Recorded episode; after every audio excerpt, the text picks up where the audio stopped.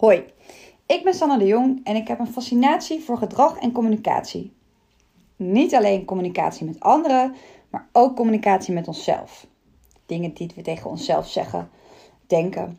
Ik ben oud topsporter en heb zelf ervaren hoe dit laatste je resultaten enorm kunnen maken of breken. Op dit moment werk ik als trainer en coach en ben ik moeder van drie kinderen. Lotte van 6, Bo van 4 en Jesse van 10 maanden. Afgelopen zes jaar heeft mij een enorme spiegel voorgehouden. Dus sinds ik moeder ben. Ehm, als het gaat om gedrag en communicatie. Ik neem je hier graag in mee. Vandaag ga ik het hebben over de drama-driehoek en de winnaarsdriehoek. Ehm, de drama-driehoek komt uit de transactionele analyse en is een vorm van eh, spel waar we met elkaar inkomen. En het model is ontworpen door Stefan Karpman. Nou, de drama-driehoek kan je helpen om situaties te onderzoeken uh, die je bijvoorbeeld frustreren of waar je het gevoel hebt elke keer in een kringetje terecht uh, blijft te komen. Je kan analyseren wat er misgaat. Um, je kan kijken, goh, wat doet nou die ander en welk effect heeft dit op mij? Nou, en dit laatste gebeurt natuurlijk ook vaak thuis. Je kind doet of zegt iets of doet juist iets niet. Um, en dit triggert jou. Jij reageert op een bepaalde manier en daar zit je in de drama-driehoek. De drama-driehoek kent drie rollen, die van slachtoffer, aanklager en redder. De drama-driehoek is per definitie ineffectief gedrag die de situatie in stand houdt en kent eigenlijk alleen maar verliezers. Nou, tijdens het avondeten wil het bij ons thuis regelmatig voorkomen dat we met elkaar in de drama-driehoek terechtkomen. Het eten komt op tafel. En eh, mijn oudste dochter, met name van zes, die roept: dit is echt heel vies. Nou, die zit duidelijk in de rol van aanklager. Vervolgens ben ik getriggerd en ik zeg: Nou, ik vind het niet leuk dat je zo reageert. Dit is wat er is, je eet het maar op ik zit daar ook redelijk in de rol van aanklager, maar ik hou het nog netjes. Um, vervolgens begint mijn dochter te huilen uh, en zegt: Ik heb zo'n honger. Ik wil graag iets eten, maar dit kan ik echt niet eten. Nou, dan zit ze in de rol van slachtoffer. Ze heeft echt het gevoel van: nou, iedereen is tegen mij. Um, ik wil heel graag eten, maar dit kan ik echt niet door mijn keel krijgen. Daar word ik in getriggerd en zeg vervolgens: Oké, dan maak ik wel een tosti voor je. Nou, en je raadt het al, ik zit daar volledig in de rol van redder. Nou, straks ga ik wat verder in op die verschillende rollen. Ehm, maar eerst wil ik je wat meer meegeven, uh, wat meer vertellen over de dramadriehoek. En de dramadriehoek ontstaat vaak uit onmacht. Onmacht om voluit te vragen onmacht om grenzen aan te geven en ook onmacht om onszelf kwetsbaar op te stellen. Nou, het voorbeeld wat ik net geef is in een thuissituatie, maar eigenlijk kom je de drama-driehoek op heel veel plekken tegen en vind ik mezelf niet alleen thuis daarin terug, maar ook wel op het werk, ehm, in een winkel waar ik een andere ervaring heb dan ik had gehoopt enzovoort. Nou, kenmerkend in de drama-driehoek is dat er ander vaak verantwoordelijk wordt gehouden ehm, voor, hoe, voor hoe ik me voel. Of bijvoorbeeld, uh, nou, mijn kind lust iets niet, dat is de schuld van het kind, ze stelt zich aan. Maar als we nou in staat zijn om ons eigen aandeel waar te nemen, kunnen we de angel eruit halen. En zo kunnen we overstappen naar de winnaarsdriehoek. Nou, straks meer over de winnaarsdriehoek. Nu eerst wat toelichting op de verschillende rollen in de dramadriehoek. Ik begin bij de aanklager. Kenmerkend voor de aanklager is dat hij de ander minder waardig, als minder waardig ervaart. Als niet oké. Haalt anderen naar beneden. Dus in het geval van mijn dochter, mama, je hebt echt heel vies gekookt. Um, en in de kern heeft de aanklager eigenlijk heel erg behoefte aan begrip. Dus wat zij graag zou willen horen is begrip voor het feit dat wat er op haar bord ligt gewoon niet is wat zij gewild of verwacht had. De kwaliteit van de aanklager is dat hij goed in staat is om grenzen te stellen. De redder. De rol van de redder. De redder beschouwt anderen als niet oké. Die denkt dat het slachtoffer vaak niet in staat is het zelf op te lossen. Dus dan moet de redder in actie komen. De redder maakt zichzelf superieur boven de ander. Want hij of zij gaat het voor de ander oplossen. Waar de redder behoefte aan heeft, is waardering. Die wil graag horen van, oh wat fijn dat je me geholpen hebt. Zonder jou had ik het echt niet gekund. Oh, je brengt me de oplossing. De kwaliteit van de redder is zorgen voor de ander. Tot slot het slachtoffer. Het slachtoffer voelt zichzelf minderwaardig. Heeft het gevoel dat iedereen tegen hem of haar is. En heeft ook het gevoel niks goed te kunnen doen. Goed, goed te kunnen doen. Onbewust zoekt de uh, slachtoffer altijd naar een redder of een aanklager. Dus iemand waar die uh, schuldig aan is of waar die hem of haar kan helpen. Heeft behoefte aan steun, maar eigenlijk wel met behoud van autonomie. En de kwaliteit van het slachtoffer is kwetsbaarheid. Nu is er later nog een vierde rol aan de dramadriehoek toegevoegd. En dat is de rol van toeschouwer. En de toeschouwer is aanwezig, maar doorbreekt het spel niet. Dus dat is eigenlijk iemand die alleen maar staat te kijken en niks doet. Als er een ongeluk gebeurd is, degene die staat te filmen, maar niet even 112 bellen. En thuis uh, ben je dat misschien wel eens zelf als je je partner in conflict ziet met je kind. Um, en denkt, nou, ik ga me hier niet mee bemoeien. Maar wel ziet, ze komen hier samen niet uit. Dus dan zit je in de rol van toeschouwer. Um, en ben je ja, eigenlijk net zo goed schuldig aan het instand houden van de drama-driehoek.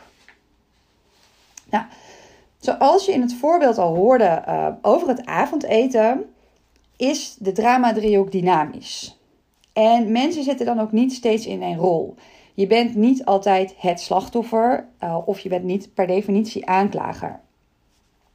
De slachtoffer uh, zoekt een redder, maar wordt aanklager. Dus bijvoorbeeld, mijn dochter voelde zich er slachtoffer.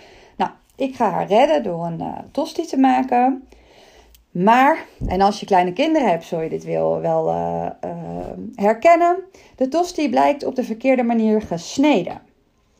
Waardoor ehm, ik het slachtoffer word van haar. Want zij gaat mij weer aanklagen. En ik denk, oh, ik kan dit niet. Ik doe het ook nooit goed. En vervolgens kan ik om uit die slachtofferrol te komen haar weer gaan aanklagen en zeggen: joh, je moet niet zo moeilijk doen. Maar ook toeschouwers kunnen plotseling de arena van de dramadriehoek instappen. In het voorbeeld van het avondeten uh, kan mijn man, die zich de eerste helft uh, van deze dramadriehoek zich nog keurig op de achtergrond hield, zich er opeens mee gaan bemoeien en uh, op het moment dat ik opsta om een tosti te gaan maken, roepen: joh, er wordt helemaal geen tosti gemaakt. Je leert gewoon maar eens eten wat we op tafel hebben. En ineens zit hij in de rol van aanklager. Ja, drama kom je dus echt op heel veel plekken tegen. En na deze podcast ga je het misschien ook echt wel vaker herkennen bij jezelf of als je het ziet bij anderen. Um, thuis, op het werk, in het verkeer. Um, en je vindt jezelf dan wel terug in verschillende rollen. Um, maar vaak heb je wel één voorkeurspositie. En zelf vind ik mezelf bijvoorbeeld vaak terug in de rol van redder. En onbewust vind ik het fijn uh, als de ander mij nodig heeft. En heb ik vaak het gevoel dat ik echt de oplossing heb in een uh, penibele situatie. Ook stap ik snel in de rol van redder om mezelf weer goed te zoeken, goed te, vinden, goed te voelen. Um, de rol waar je jezelf het makkelijkst in terugvindt, uh, is de rol die je aanneemt als je onder druk komt te staan. En ik ben heel benieuwd van, ja, wat is die rol voor jou? Um, ja, waar vind jij jezelf nou terug? Is dat de rol van aanklager, van slachtoffer of van redder? Um, en wat zijn ook triggers om daarin te komen? De, drama-driehoek gaat over onmacht. En dat is ook meteen de reden waarom we er met onze kinderen zo vaak in komen. Want ja, we zijn vaak onmachtig in het gedrag wat zij vertonen. Tegelijkertijd zijn zij nog klein, hebben ze nog niet ehm, alle mogelijkheden om situaties te beïnvloeden. Ehm, en stappen zij daarom onbewust ook vaak in die drama-driehoek. En hebben wij echt de verantwoordelijkheid en het vermogen om het anders te doen. Ehm, maar ik waarschuw je, want dit is niet makkelijk. Um, en na het luisteren van deze podcast is het ook echt niet zo dat je, dat je nooit meer in die drama-driehoek terechtkomt. Maar het goede nieuws is, is dat je elk moment opnieuw kunt beginnen. En van elke keer dat je wel in die drama-driehoek uh, komt, kunt leren. En er bewustzijn op kunt krijgen hoe je het de andere keer anders kunt doen. En vooral ook inzicht krijgt in wat nou triggers voor jou zijn om in die drama-driehoek te komen. En wat je dus aan de voorkant al anders kunt doen om te voorkomen dat je erin komt. Ehm, en dan hoor ik je denken, maar hoe doe ik dat dan? Nou, om opties hiervoor te ontwikkelen kun je gebruik maken van de winnaarsdriehoek. De basis van de winnaarsdriehoek is: ik ben oké en jij bent oké. Dus je gaat ervan uit dat de ander ten diepste oké is en jij zelf ook. Je veroordeelt de ander niet. En voor de winnaarsdriehoek helpt het echt enorm als je zelf rustig en uitgerust bent. En dat je weet wat echt belangrijk voor je is. Ehm, dus in het geval van het avondeten is het goed om vooraf eens na te denken als je zelf regelmatig in de situatie komt van, maar wat is voor mij nou echt belangrijk? Ehm, is het belangrijk dat mijn kind eet? Is het belangrijk dat mijn kind eet wat de pot schaft? Is het belangrijk dat ze in ieder geval proeft? is het belangrijk um, dat het vooral gezellig is aan tafel. En iedereen heeft daarin andere uh, um, normen en waarden. Maar om goed in die winnaarsdriehoek te komen, is het echt fijn als je zelf weet wat voor jou echt belangrijk is. daarnaast kan het je helpen om te oefenen in waardering uit te spreken voor anderen je niet te veel te focussen op prestaties en plezier te maken. Ehm, en nu ga ik uh, wat gedrag uh, bespreken die je kan helpen om in die winnaarsdriehoek te komen. En um, wat sowieso helpt is uh, om gevoelens te tonen. Je eigen authentieke zelf te zijn. Um, zo gevoelens zoals bang, boos, blij, bedroefd. En spreek je behoefte uit. Dat is de kwetsbare positie ook wel genoemd. Nou, voor mij is dat soms best wel lastig, um, want ja, je hebt een druk gezin, werk, um, bent veel aan het zorgen voor anderen, waarin ik mezelf wel eens vergeet. Nou, dan helpt het om uh, juist meer de assertieve rol te kiezen. Um, en uh, helder te zijn over je eigen grenzen en behoeften. En om vanuit die assertieve positie te reageren, helpt het om regelmatig stil te staan bij je eigen normen en waarden. En het vooral hier ook eens met je partner over te hebben. Als het bijvoorbeeld gaat over het avondeten, zoals ik net vertelde. Um, tot slot, de derde positie in de winnaarsdriehoek is die van uh, de zorgende positie. En um, nou, niet verwarren met de redder, waarin je het echt overneemt van de ander. Um, laat je in de zorgende positie zien dat je oog hebt voor de ander en uh, zorg hebt voor de ander. Um, en bied je ook hulp aan zonder het over te nemen. Je laat de grenzen van de ander intact en je denkt mee met de ander. dus in dit geval is het bijvoorbeeld, uh, zou het een oplossing zijn om de ander niet te dwingen om te eten, maar wel om samen te gaan zoeken naar nou, binnen de grenzen die ik stel in dit geval, um, ja, welke mogelijkheden er voor haar liggen. Uh, bijvoorbeeld om iets wel te eten en iets niet. Uh, of om de rest van de week mee te denken in het menu, zodat er de volgende keer wel iets voor haar tussen zit. Daarmee vergroot ik haar autonomie en is de kans dat we in het dramadriehoek komen een stuk kleiner. Um, en waar we in de dramadriehoek de passieve toeschouwer hebben spreken we uh, in de winnaarsdriehoek van een betrokkenen. En de betrokkenen is zich bewust van zijn of haar verantwoordelijkheid in de situatie. En die kan ook ingrijpen uh, vanuit die kwetsbare, zorgende of assertieve positie. Nou, bijvoorbeeld, je ziet dat je partner met je kind in conflict is en in de dramadriehoek zit en er op een gegeven moment niet meer uitkomt. En ze zijn elkaar continu aan het aanklagen. Ehm, je hoort wat slachtofferkreten. Um, en nou, dan zou je bijvoorbeeld kunnen zeggen van, vanuit de uh, kwetsbare positie. Het maakt mij verdrietig te zien dat jullie boos op elkaar zijn. Wat heb je nodig om hieruit te komen? Nou, dan pak je hem over in de zorgende positie.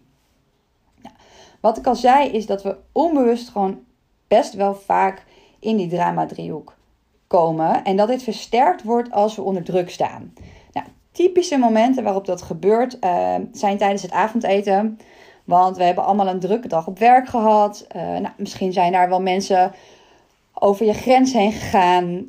Um, uh, je bent druk geweest, maar ook je kind heeft een drukke dag gehad op school. Um, en je bent moe, je kan niet zoveel meer hebben. En dat zijn juist die momenten die heel erg getriggerd worden om onbewust daarin te komen. Uh, maar ook bijvoorbeeld de ochtendspits. Uh, met, het, uh, met het schoenen aantrekken, broodtrommels klaarmaken, um, zijn hier mooie voorbeelden van. Je kind wil zijn schoenen niet aantrekken, maar jij hebt het druk, want je moet je kind wegbrengen. Je hebt een vergadering om, acht, om, om 9 uur. En voor je het weet zit je daar ook in het drama-driehoek. Um, maar wees je ervan bewust dat jij echt degene bent die het elk moment anders kan doen. Want jij bent de volwassene en jij kunt de situatie omkeren. En um, nou, je kind ook tools aanreiken over hoe je kind sterker in de autonomiepositie kan komen. En hoe jullie samen ook uit die drama-driehoek kunnen komen. Nou, ik ben heel erg nieuwsgierig naar jouw verhalen over eigen situaties in de drama-driehoek. En natuurlijk ook of het je lukt om weer de regie te pakken um, en in de winnaarsdriehoek te komen. Nou, dit was het voor vandaag. Tot de volgende keer.